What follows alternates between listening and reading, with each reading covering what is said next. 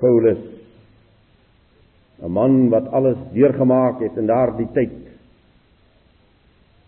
Daar is by by hom 'n daaglikse bekommernis oor die sorg van die gemeente. Daar is binne branding in sy hart.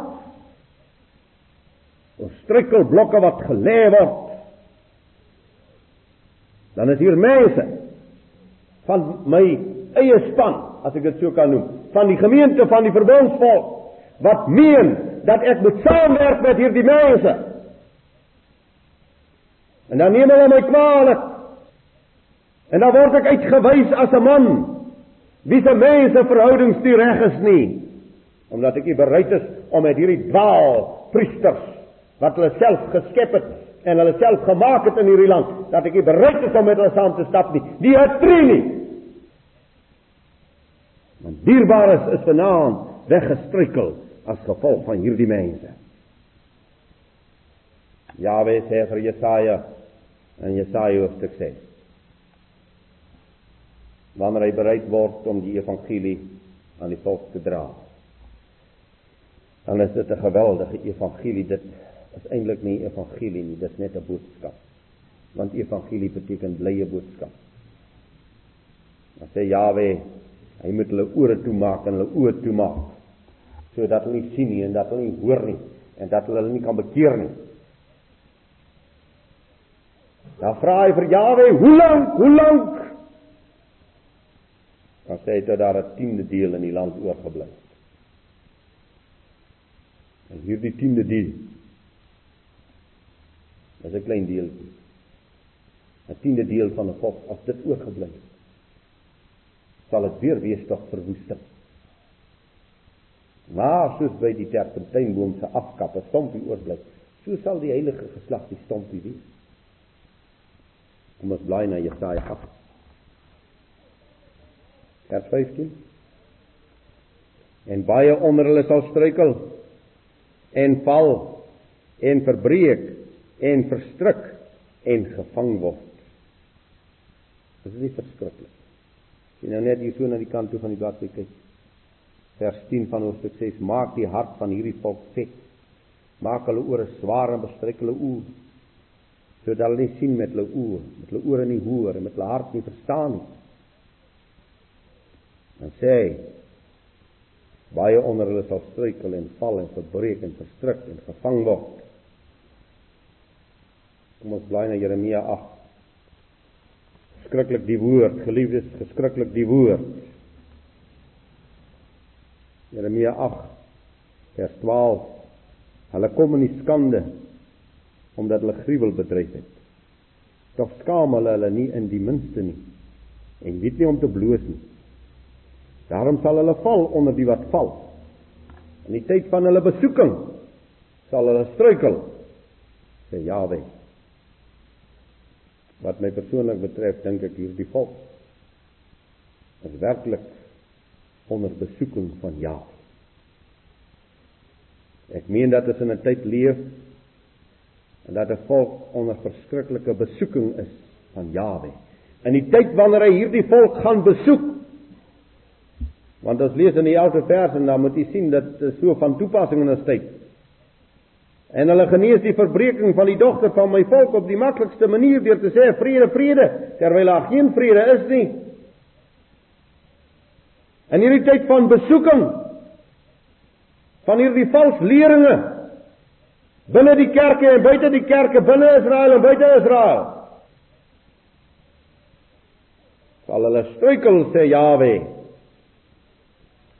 Matteus 24 vers 10 Kom ons lees maar die 9de vers by dan sal hulle jul in ver, aan verdrukking oorgee en julle doodmaak en julle sal deur al die nasies gehaat word ter wille van my naam.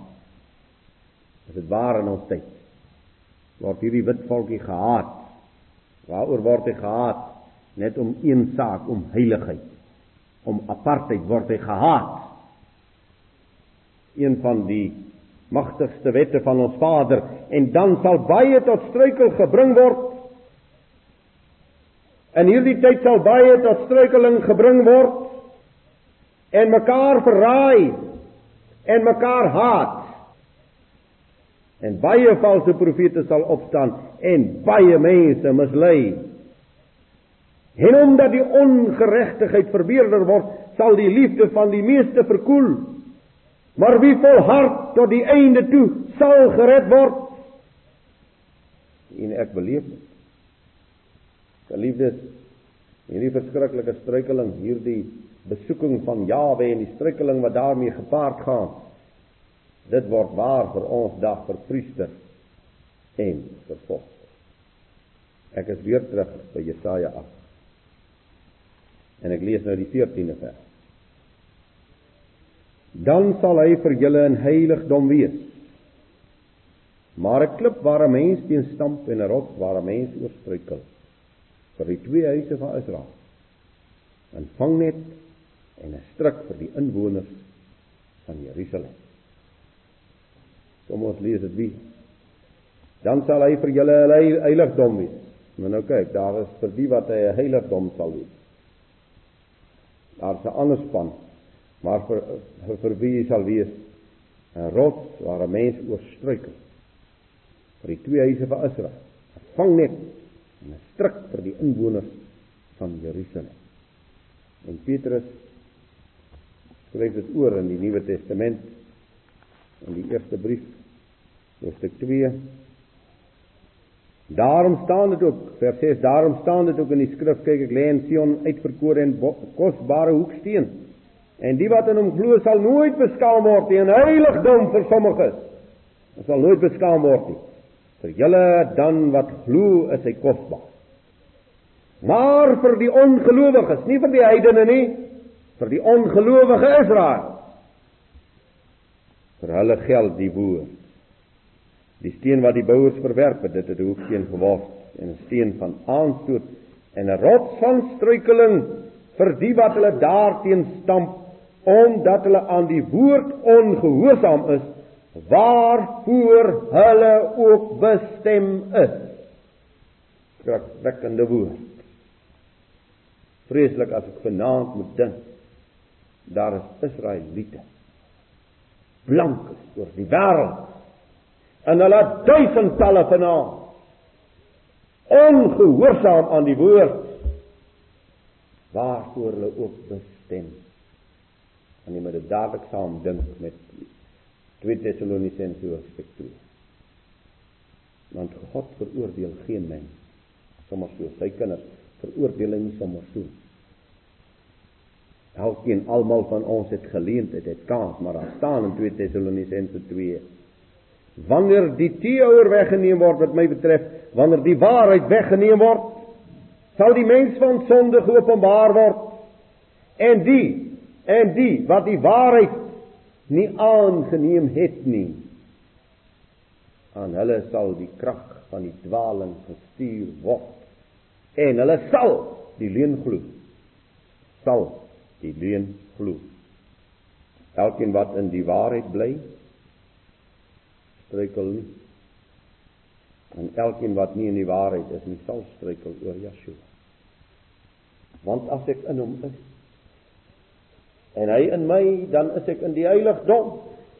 Maar solank ek buite die heiligdom is, is sy kruis, sy versoeningswerk 'n struikelblok vir die mens. En val hulle oor hom